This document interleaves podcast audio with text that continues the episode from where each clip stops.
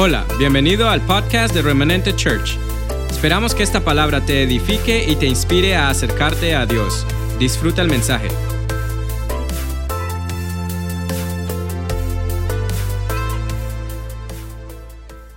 Gloria a Dios. Creo que tengo el mismo susto que siempre tengo. Pero creo que es más el temor reverente a al respeto que merecen ustedes y el privilegio que Dios me da tan grande de poder estar aquí. Amén. Precioso Espíritu Santo, gracias. Gracias por todo lo que estás haciendo. Todavía no está la palabra en nuestra boca y tú la sabes toda. No ha subido pensamiento al corazón del hombre y tú los conoces todos, Señor. Todavía, Señor, no hemos clamado y tú ya conoces todo lo profundo del corazón. Y de una manera especial oramos por Juan Carlos Uribe, declarando Dios esos milagros, señales y prodigio sobre tu siervo, tu pastor. Gracias por las maravillas, los prodigios sobre él, sobre su esposa Eliana, las cosas grandes, lo que has establecido en destino sobre sus vidas. Te damos gracias en el nombre de Jesucristo. Amén. Pido Espíritu Santo que calles mi boca. No quiero yo hablar, sino que seas tú hablando a través de mí. Amén. Hoy vamos a terminar algo que inicié la semana pasada que tiene que ver con ambientes. Ambientes. Es muy fácil distinguir un ambiente en un hogar. Uno puede llegar a, a ciertos hogares y darse cuenta si el ambiente está para comer ahí o para salir corriendo. Porque fácilmente usted puede percibir los ambientes una edad dorada, que se conoce como la edad dorada de Israel, que fueron tres reinados que fueron muy significativos. Fue el reinado de Saúl, de, David y de Salomón. 120 años, cada uno reinó 40 años, aunque hubo otros reyes que reinaron más tiempo, entre ellos un rey llamado eh, Manasés, que de una u otra manera este rey termina eh, marcando un, un antes y un después en el pueblo de Israel, porque fue el rey brujo de Israel, fue el rey hechicero de Israel y como lo dice la palabra, fue el rey encantador de Israel. Manasés, que no lo puedes confundir con la tribu de Manasés, sino con otro nombre que se llamaba, así se llamaba el rey, fue rey en Judá este hombre reinó 55 años. Su padre se llamaba Ezequías, que fue un rey justo delante de Dios. Pero en cuanto a este rey, 55 años reinó, hizo brujería, hizo hechicería, pervirtió, metió dentro del templo del Señor estatuas, ídolos. Mejor dicho, pecó con ganas. Se llama iniquidad. Y este rey termina siendo llevado por el imperio asirio a Babilonia y estando en la cárcel, fundido por allá, perdido, este hombre clama a Dios y le clama su misericordia y le clama que lo perdone por la maldad. Y Dios vuelve y lo trae a Israel, lo posesiona otra vez y este hombre toma la decisión de volverse al Señor y imagínate, 55 años Colócale 50, 52 años haciendo maldad. Ahora él retorna para hacer volver al corazón de Israel. No le alcanzaron los años para hacer volver el corazón de Israel al Señor. Eh, su iniquidad había echado tantas raíces que parte de la cultura del pueblo judío, parte de sus raíces, ahora vertía brujería, vertía hechicería y todavía estaban sacrificando eh, a un dios llamado Moloch. Eh, a sus hijos todavía estaban bajo eh, maldición por idolatría y perversión. En esa condición, luego de este rey Manasés, vino Amón, que reinó solamente dos años porque fue más malo que su papá. Todavía más malo que el papá.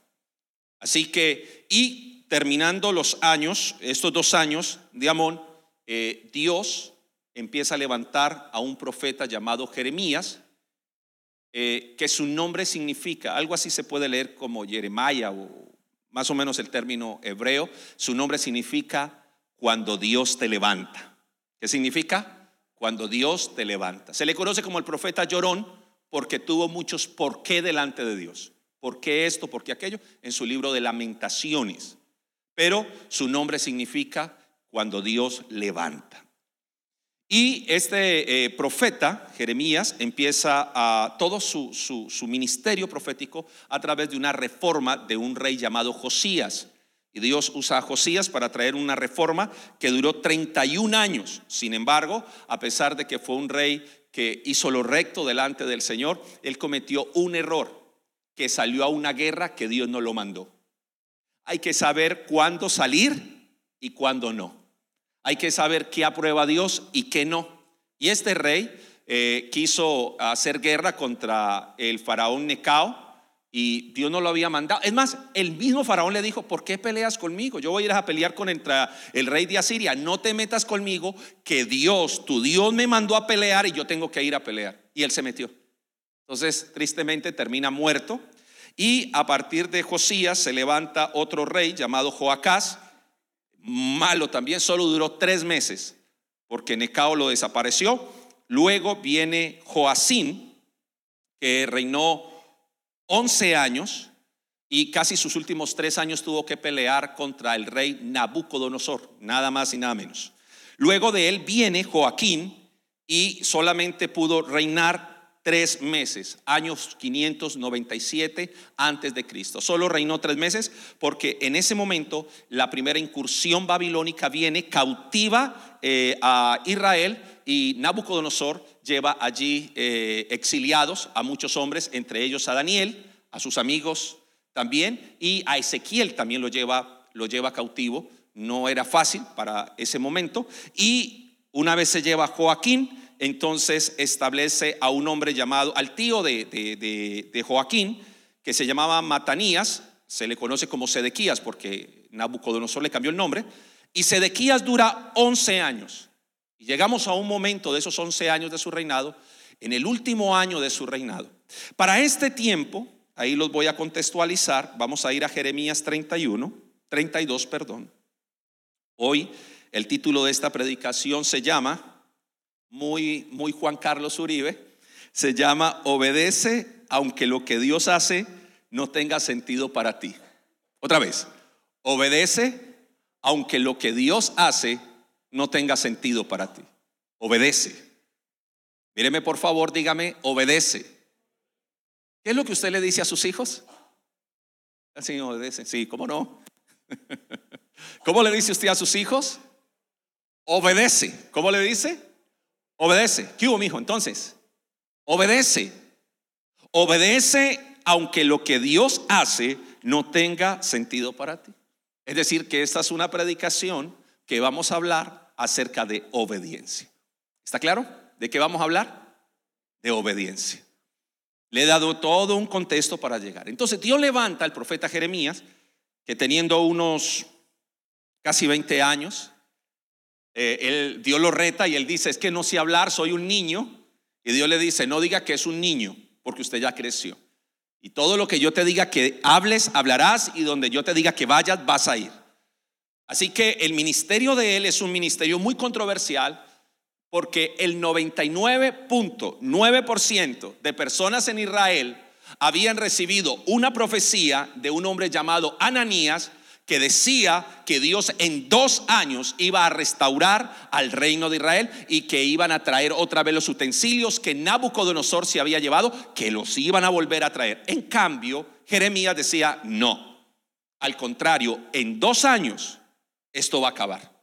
Vamos a ser llevados exiliados por 70 años y dentro de 70 años volveremos. Imagínate el 99.9 de la iglesia estar de acuerdo que en dos años vamos a ser restaurados y solo un hombre, Jeremías, tenía una profecía diferente. Todos los profetas de ese momento, todos los profetas de ese momento decían, sí, así va a ser, en dos años volveremos a estar restaurados. El problema cuando, cuando se deja de escuchar a Dios es que se empieza a escuchar al diablo. ¿Sabe cuántos profetizaron que Donald Trump iba a ser otra vez presidente? Dejamos de escuchar a Dios. Una de las, de las, de las cuestiones ah, eh, eh, que a mi apóstol le generó eh, que controversia pues con nosotros, que hablábamos sobre esto, era ¿qué pasó? ¿Por qué los que dicen ser profetas no pudieron prever este tiempo de pandemia? ¿Por qué no se pudo discernir? Eso es una gran pregunta. El 99% de los profetas de Israel decían en dos años seremos restaurados. Y el único que, que no decía esto era Jeremías. Por eso lo odiaron, lo detestaron, porque a partir de allí vinieron los otros reinados que ninguno quiso creerle. El único era, era este último rey llamado Sedequías, que venía y lo consultaba en privado, pero le daba miedo del pueblo que se dieran cuenta. Así que en ese panorama, vamos a Jeremías 32. Hablando de obediencia, alinea tu boca a la obediencia o la obediencia alinea tu boca. Jeremías 32, versículo 1. Palabra del Eterno, de Jehová que vino a Jeremías en el año décimo de Sedequía, rey de Judá. Iría hasta el año 11 cuando sería llevado cautivo, que fue el año octavo de Nabucodonosor. Esta sería la última incursión de Babilonia a Judá, es decir, tuvo dos incursiones. La primera desbastó al pueblo de Judá y en la segunda arrasó con el pueblo de Judá. Íbamos ya, este es el último año en que iba a suceder esto. Entonces el ejército del rey de Babilonia, versículo 2, tenía sitiada a Jerusalén hacía casi dos años. Y el profeta Jeremías estaba preso en el patio de la cárcel que estaba en la casa del rey de Judá. Y estaba preso por, por declarar la palabra del Señor. Porque Sedequía, rey de Judá, lo había puesto preso diciendo, porque profetizas tú diciendo, así ha dicho el Eterno, he aquí yo entrego esta ciudad en mano del rey de Babilonia y la tomará. ¿Por qué lo metieron preso? Por estar diciendo que Dios entregaría esa ciudad al rey Nabucodonosor. Y Sedequía, rey de, eh, de Judá, no escapará de la mano de los caldeos, así se le llamaba a los de Babilonia, sino que de cierto será entregado en mano del rey de Babilonia y hablará con él boca a boca y sus ojos verán sus ojos. Sedequías termina el rey Nabucodonosor sacándole los ojos y degollando a todos sus hijos. Un tema bien interesante, muy fuerte. Y hará llevar, versículo 5, a Sedequías a Babilonia, y allá estará hasta que yo lo visite, le visite, y si peleares contra los caldeos, no os irá bien, dice Jehová. Era el único que estaba diciendo esto. Entonces escribí para esta predicación algunas notas, porque el texto, como el sermón es textual, es muy fácil escribir sobre él. A veces elegir hablar lo que Dios dice te meterá en problemas. A veces hablar lo que Dios dice te meterá en problemas. Porque tal vez irás en contra de la corriente. Tal vez hablar lo que Dios dice es es ir en contra de aún cosas que dan por sentado establecidas que están correctas cuando no lo están. Créeme, si vas a ser popular en el cielo, posiblemente no seas popular en la tierra. Porque hablar lo que Dios dice para este tiempo es confrontativo. Y a algunos no les gustará estar contigo. Pero, pero la obediencia a Dios alinea tu boca porque dejas de hablar en Colombia decimos babosadas. Dejas de hablar cosas sin sentido y empiezas a hablar la palabra de Dios. Para ser un vaso de honra, debes honrar la palabra, no importa el que dirán. Debes de honrar esta palabra. ¿Cuántos vasos de honra hay en este lugar? Tienes que honrar esta, esta palabra. No puedes ser tímido con una palabra que te quema por dentro. Yo no sé si la palabra es detestar, pero muchas veces hay personas que tienen sueños conmigo, cualquiera sean. Y cuando ya me pasan las cosas, vienen y me dicen, pastor, yo soñé eso. ¿Para qué ya me lo cuenta? ¿De qué, importa, qué, qué interesa la palabra cuando ya se cumplió? La idea es antes, mira, qué pena contigo, quiero darte esta palabra de parte del Señor. Y si es del Señor lo que estás diciendo.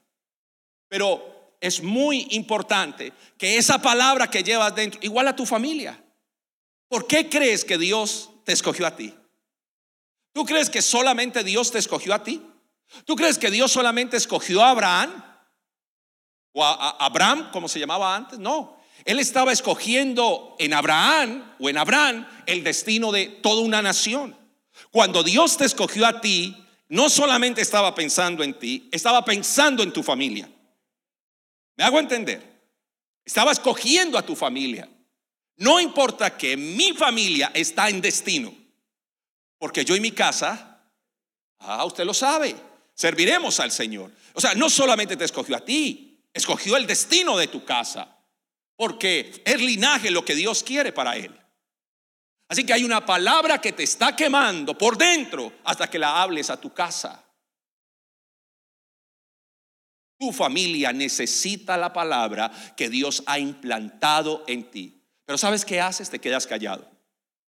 Yo he retado a la iglesia, allí en Remanente Colombia, a que abran grupos de conexión virtual con su familia. Su familia. Si este tiempo, amados, que está pronto a terminar, esperemos en Dios que sí. Si este tiempo no lo aprovechaste para ganar a tu familia, ¿cuál es el tiempo que vas a aprovechar? ¿Te quedaste callado? ¿Pasando necesidades? ¿La gente enferma mentalmente a causa de la ansiedad que esto produce?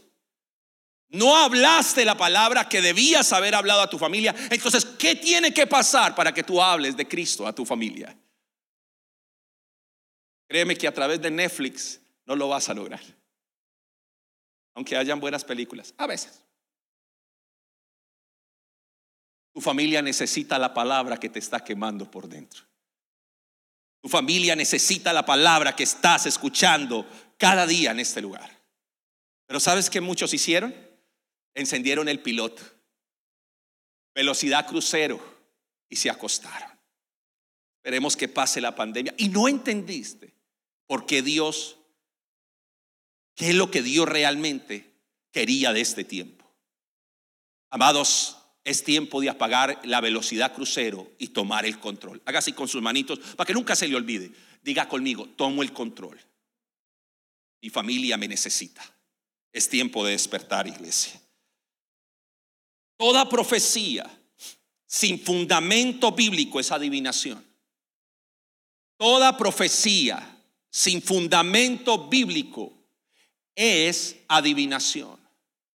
Por eso todos los profetas que estaban profetizando en Israel, lo único que era era un par de adivinos.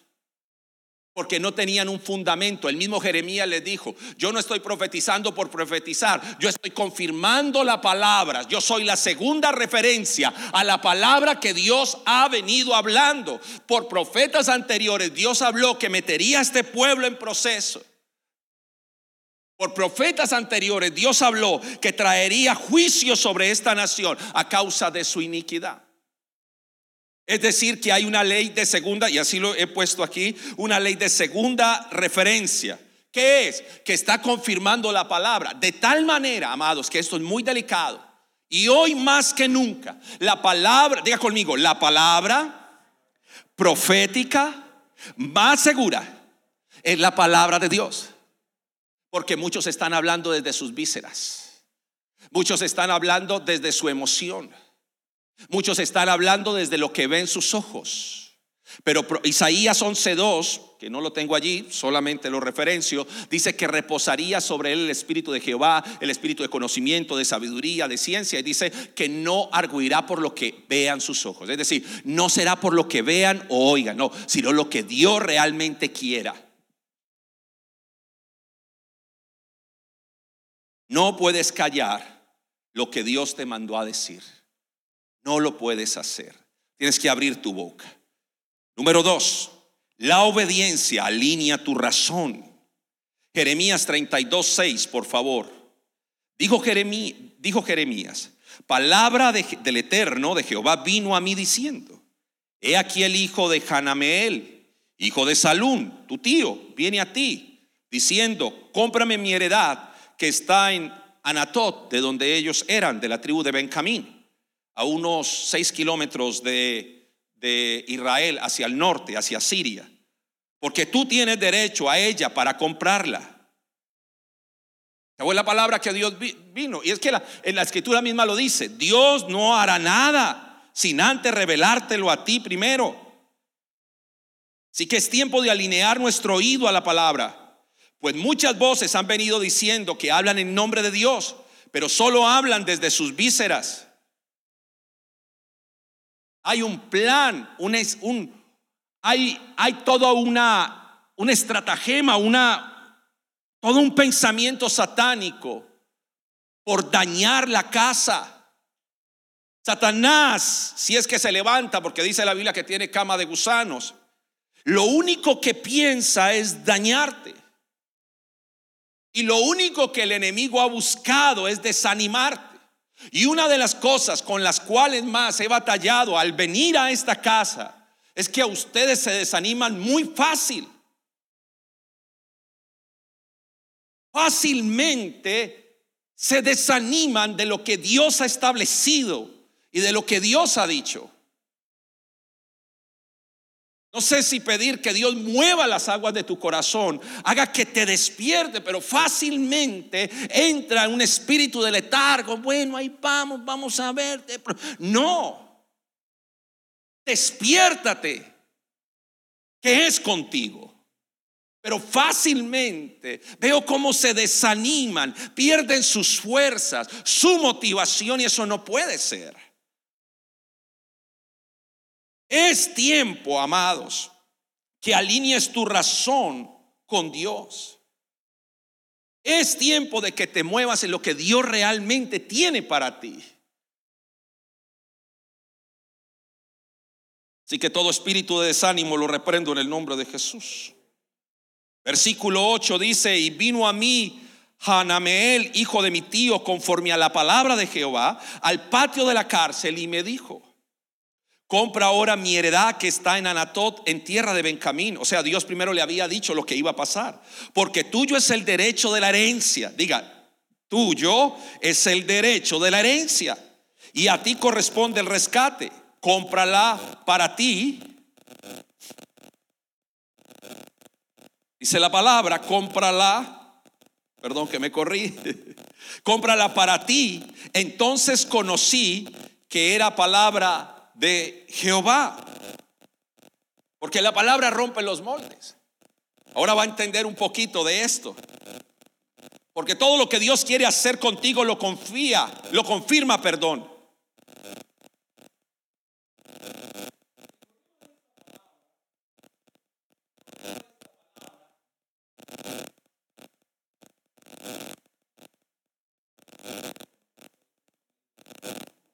Ahora, el problema de esta palabra es que este hombre había dicho que Dios iba a acabar con, con iba a acabar con, con Israel. El problema es que la profecía era contundente y muy fuerte. Y ahora Dios viene y le dice que compre una casa. Alinea la obediencia a Dios va a alinear tu razón porque Dios empieza a romper los moldes. En medio de una crisis, en medio de una pandemia, y Dios te dice, compra una casa. Jeremías sabía lo que iba a suceder. Sin embargo, Dios sabe que sobre él hay una ley de rescate y le dice, le dice, compra la casa. Voy a leerle lo que escribí. Hay una ley de rescate que es vigente en el reino de Dios. Dios vino a rescatar lo que se había perdido. No sabemos cuándo será la próxima recesión económica en los Estados Unidos. Pero hoy te digo en medio de esta pandemia, no es tiempo de estar en plan piloto, en plan crucero. Es tiempo de despertar. Debemos rescatar lo que otros han perdido por tu familia, una de las cosas que Dios hizo al llevarme a Pereira, que es una ciudad de Colombia, para los que no, tal vez no conocen, fue mi familia. Mi padre murió en mis brazos, lo pude bautizar, mi madre es diácona de la iglesia y voy por mis hermanos. Simpatizan, pero yo quiero algo más. ¿Cuántos quieren más en su familia? O sea, no, me quiero conformar que vengan a la iglesia. Ellos van a la iglesia, mis hermanas son, son cinco. Seis somos con mi hermano Todos van a la iglesia, pero yo quiero más, yo quiero ver a mi familia, yo quiero ayudar a mi familia en ese rescate. ¿Usted quiere o no quiere? Yo quiero. Ahora, Dios había traído una palabra a Jeremías que iba a acabar con todo. Y ahora le dice, compra la heredad.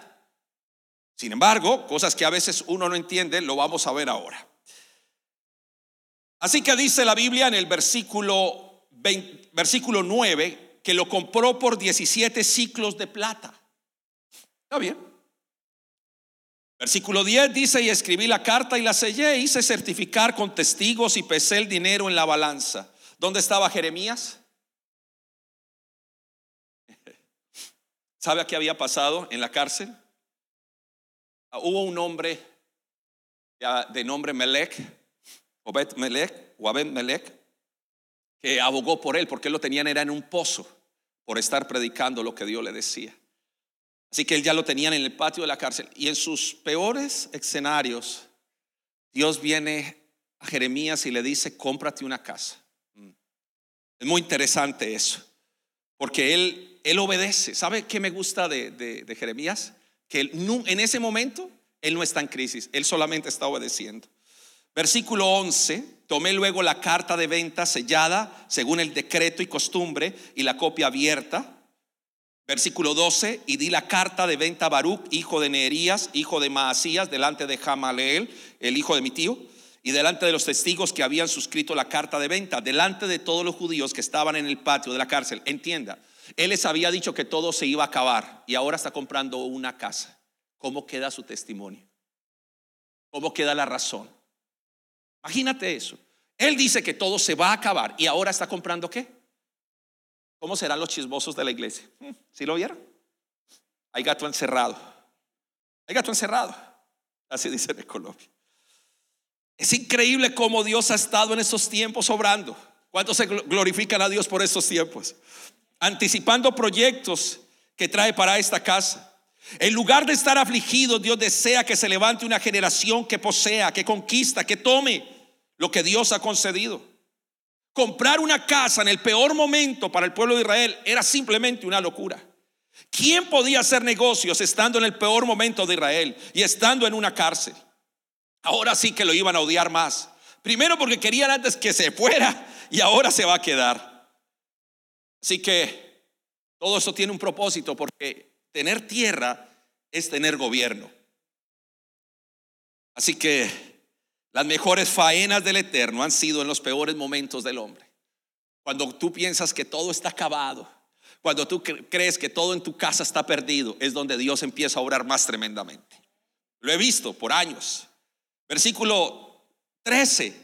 Y di orden a Baruch delante de ellos diciendo, así ha dicho Jehová de los ejércitos, Adonai Sabaoth, el Dios de Israel, toma estas cartas, estas cartas de venta sellada, esta carta abierta y ponlas en una vasija de barro para que se conserven muchos días. Así que estas cartas llevan edictos del Eterno donde dice que ese lugar es tuyo. Todo lo que se está escribiendo en ese momento está sustentado por la obra del Eterno. Así que se, se compró la tierra. Versículo 15 dice, porque así ha dicho Jehová de los ejércitos, Dios de Israel, aún se comprarán casas, ¿qué más? Heredades y viñas en esta tierra.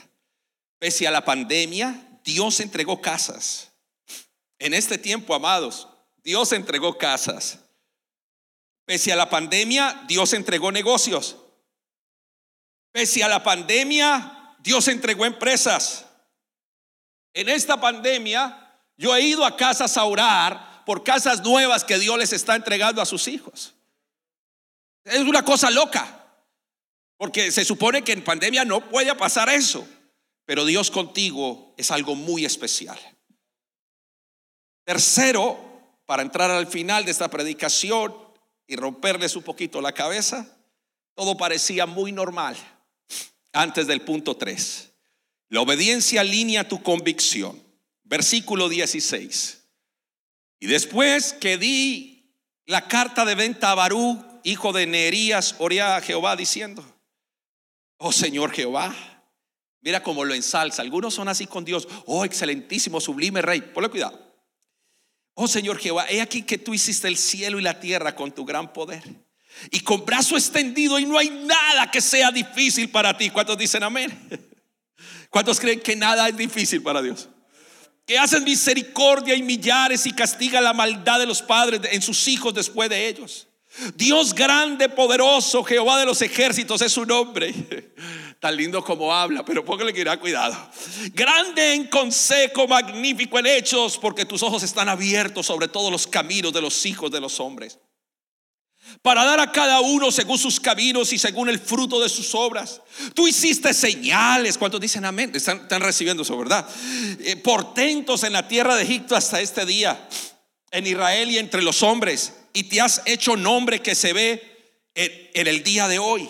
Sacaste a tu pueblo Israel a la, de, de la tierra de Egipto con señales y portentos, con mano fuerte, brazo extendido, con terror grande. Y le diste esta tierra de la cual juraste a sus padres que se las darían, la tierra que fluye leche y miel. Y, entraron y disfrutaron, pero no oyeron tu voz y anduvieron en tu ley. Nada hicieron de lo que les mandaste hacer, por tanto has hecho venir sobre ellos este mal. He aquí con arietes han acometido la ciudad para tomarla estaba sitiada por Nabucodonosor. Y la ciudad va a ser entregada en manos de los caldeos que pelean contra ella. A causa de la espada, del hambre, de las pestilencias. Ha venido pues a suceder lo que tú dijiste. He aquí tú lo estás viendo. Ahora sí la crisis. Oh Señor Jehová. Diga conmigo, oh Señor Jehová. Vamos, dígalo. Otra vez. Tú me has dicho cómprate la heredad por dinero y pon testigos, aunque la ciudad sea entregada en manos de caldeos. Todos enfrentamos crisis cuando vamos a obedecer la palabra. Él le dice, mire todo lo que ensalza para decirle su crisis. Él dice, Señor, poderoso, maravilloso, grande, sublime, glorioso. Y al final le dice, ¿por qué me mandas a comprar una propiedad cuando va a ser entregada en manos de Caldeo? ¿Cuánto iba a valer esa propiedad? No, pues eso valía 17 ciclos que le pagó. Pero ¿qué iba a valer en manos ya de caldeos? Nada. A veces obedecer a Dios resultará locura. Todos hemos pasado momentos en que obedecer la palabra te genera crisis. Porque lo que Dios te manda hacer, ¿sabe qué me gusta de Jeremías? Que él primero le obedece y luego lo cuestiona. O por lo menos luego le pregunta, ¿por qué me mandas a hacer cosas como estas? ¿Por qué me mandas a comprar un territorio que va a ser luego sitiado y estamos a punto de ser tomado? Reconoce si tienes claro que Dios es el soberano Reconoces que Dios es soberano sobre otros. Reconozco que Dios es soberano y cuando oro por una persona, tengo la convicción de que Dios va a hacer algo tremendo en ella. Pero ¿sabes cuál es el problema? Cuando te toca a ti o cuando me toca a mí. Porque ante las circunstancias no soy tan fuerte como creía. Soy más vulnerable. Porque yo puedo orar por ti, cualquiera sea tu necesidad. Pero que cuando es mi necesidad. Para ese momento de Jeremías, orar por otros, dar la palabra, era fácil para él. Pero cuando se trató de creerle a Dios por él mismo, entró en crisis. Tal vez tú en esta mañana pasa así. Creer para otros fácil. Orar por otros fácil. Pero que cuando esto toca a tu puerta, que cuando esto te quebranta, que cuando tienes que obedecer a Dios, pero sabes algo, esta palabra, diga conmigo, esta palabra nos hace fuertes en nuestra vulnerabilidad. Él dijo que nada era difícil para Dios. Muchas veces hemos caminado con Dios sin saber qué es lo próximo que va a acontecer. Muchas veces hemos tenido que tomar decisiones en Dios sin que el mar se abra. Y muchos hemos tenido crisis por obedecer al Señor. Muchos hemos sido cuestionados en esa obediencia a Dios, pero Dios te lo está mandando. Dios te lo está diciendo. Es Dios el que te está abriendo la puerta para ello. No podemos volver atrás. Las cartas ya están firmadas. El terreno es tuyo. Es hora de que poseas el derecho legal de lo que Dios te entregó. Tienes que caminar sobre lo que Dios ha provisto para ti. Así que Jeremías deja tres principios antes de terminar esta predicación. Todo lo que el Eterno dice que hagas, hazlo. Aunque eso te conlleve romper los esquemas. La gente no te va a entender. No procures, mira, cuando tú le estás obedeciendo a Dios, no procures que la gente te entienda. No te van a entender. Número dos, Las temporadas para tu vida no las definen las circunstancias que hoy vivimos, las define la palabra. El COVID está dentro de todo un tiempo, pero tú no estás definido por el COVID. ¿O sí? Tú no estás definido por el COVID, ni tu vida espiritual está definida por él. Está definido por lo que Dios ha hablado para ti. Así que todo derecho que Dios te entregó, tómalo. Cerremos la predicación. Jeremías 32, 26. Él estaba en crisis. Y vino palabra de Jehová a Jeremías diciendo, versículo 27, He aquí yo soy Jehová, Dios de toda carne. ¿Habrá algo que sea difícil para mí? ¿Puede usted responderme a ello diciendo, nada es difícil para Dios? La pregunta que Dios dice y hace es, he aquí, yo soy Jehová, Dios de toda carne. ¿Habrá algo difícil? Quédate en el versículo 27, por favor. He aquí, yo soy Jehová, Dios de toda carne. ¿Habrá algo que sea difícil para mí? Nada, vamos, repítalo conmigo, nada es difícil para Dios. Señor, pero me estás mandando a hacer esto en medio de pandemia, sí. Señor, pero me estás diciendo que de este paso de fe en medio de la peor crisis, sí. Señor, me estás diciendo que llame a esa persona que haga este negocio, que me mueva así. Sí, ¿por qué? ¿Por qué lo dice? Porque en las peores temporadas o momentos es donde Dios más se glorifica. Es donde tenemos cantidad de testimonios de esto. Pero a veces obedecer a Dios te va a llevar al límite de tu creencia, de tu razonamiento, de tu entendimiento. Pero es que Dios te lo dijo. Dios te dice, hazlo. Y la pregunta que Dios hace en esta mañana, ¿habrá algo difícil para mí? Quiero que lo creas. Afianza tu obediencia, tu fe, aunque lo que Dios haga no tenga sentido para ti. Pero Él te mandó a hacerlo, hazlo. Hazlo. Despiértate y hazlo. Porque Él tiene un propósito contigo muy grande los años de remanente, la gloria postrera que Él está estableciendo para esta casa es muy grande. Y yo tengo una palabra ahora que darle para sellar esto, pero aquí termino la predicación. ¿Habrá algo difícil para Dios? Respóndame usted. Yo sé que obedecer a Dios a veces te va a llevar a romper tus límites, paradigmas y miedos. No tienes que hacerlo. Tienes que alinear tu boca, aún tus recursos y decirle, Padre, yo camino en ello. Te voy a decir cuál ha sido mi éxito. Mi éxito ha sido permanecer en lo que Dios dijo que haría. Hemos pasado situaciones juntos, momentos duros, pero yo sé que Dios ligó mi destino a esta casa. Y muchas voces han venido queriendo disuadir lo que Dios ha establecido. Pero cuando tú entiendes quién fue el que te llamó, cuando tú entiendes dónde Dios te estableció, cuando tú entiendes que es Dios quien te sostiene, entonces respóndame lo que le estoy preguntando. ¿Habrá algo difícil para Dios? Entonces usted me responde, nada es difícil para Dios. Así que todo proyecto de esta casa, toda resolución de esta casa, todo lo que Dios ha hablado en tu casa, de tu familia, de tu finanza, de todo, lo sustenta. ¿Habrá algo difícil para Dios? Voy a dar este testimonio, papi, permítame darlo.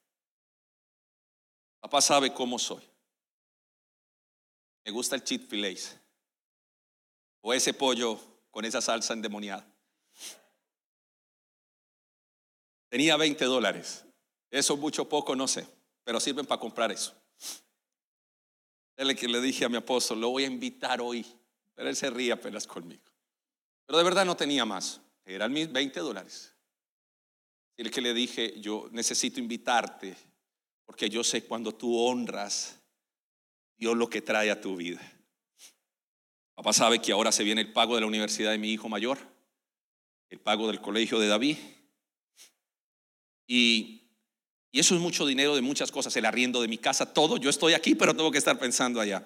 Lo cierto es que al otro día, papi, estaba el dinero en mi cuenta suficiente para pagar todo lo que necesitaba. Todo, papi. Y yo me quedé impactado. Tengo unos amigos en, en otra ciudad de aquí, papá los conoce, y ellos me decían, fuimos movidos a sembrar en tus hijos. Wow, yo solo tenía 20 dólares para Chick-fil-A. Y tú pones en mi cuenta todo lo que necesito para yo poder estar tranquilo en casa de papá. Así que le voy a preguntar nuevamente, ¿habrá algo difícil para mí? ¿Habrá algo difícil? ¿Sabe con la alegría que llamé a, mi esposa? Le dije, ¿qué va a pedir, mamita? ¿Habrá algo? Respóndame, por favor. ¿Habrá algo difícil para Dios? Entonces camina en lo sobrenatural. Dios te lo dijo. Dios habló del ministerio apostólico que establecería en naciones. Tenemos que caminar en ello. Dios dijo que esta casa era casa de naciones y tenemos que caminar en ello. No es tiempo de desanimarnos. Ay, vamos, vamos a ver qué más. No, es tiempo de levantarnos. Es tiempo de apagar el piloto y encender el motor y decir, Padre, nos movemos en fe.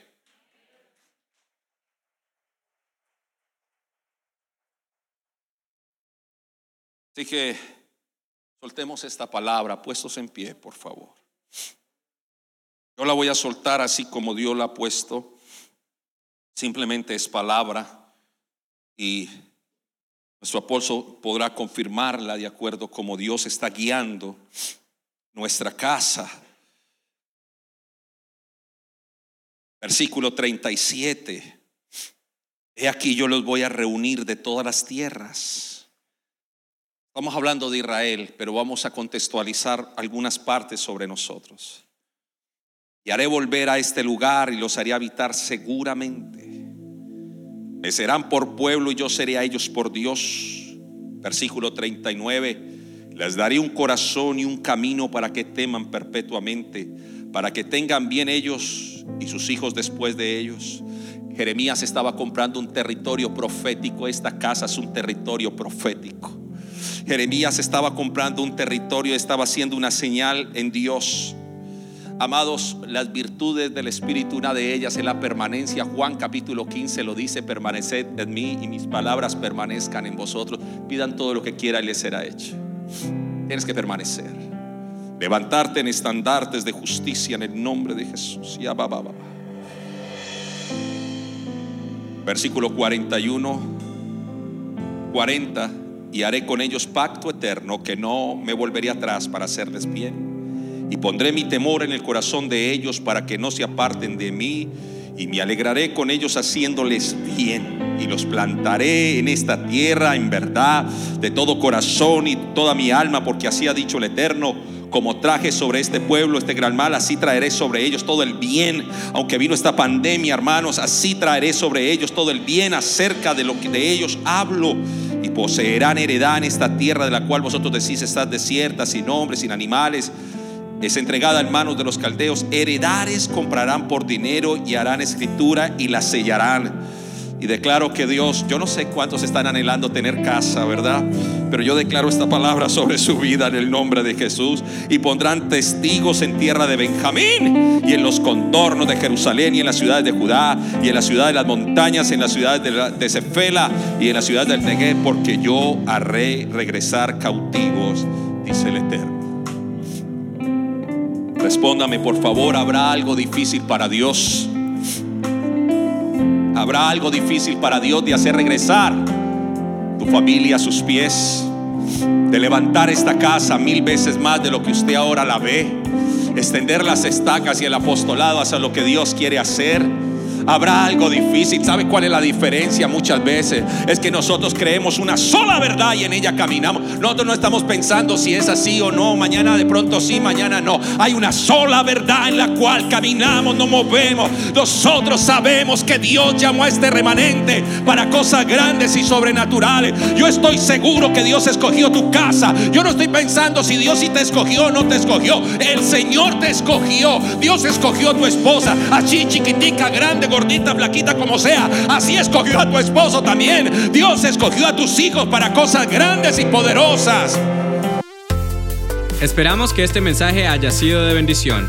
No te olvides de suscribirte a nuestro podcast y seguirnos en Facebook e Instagram arroba remanente church.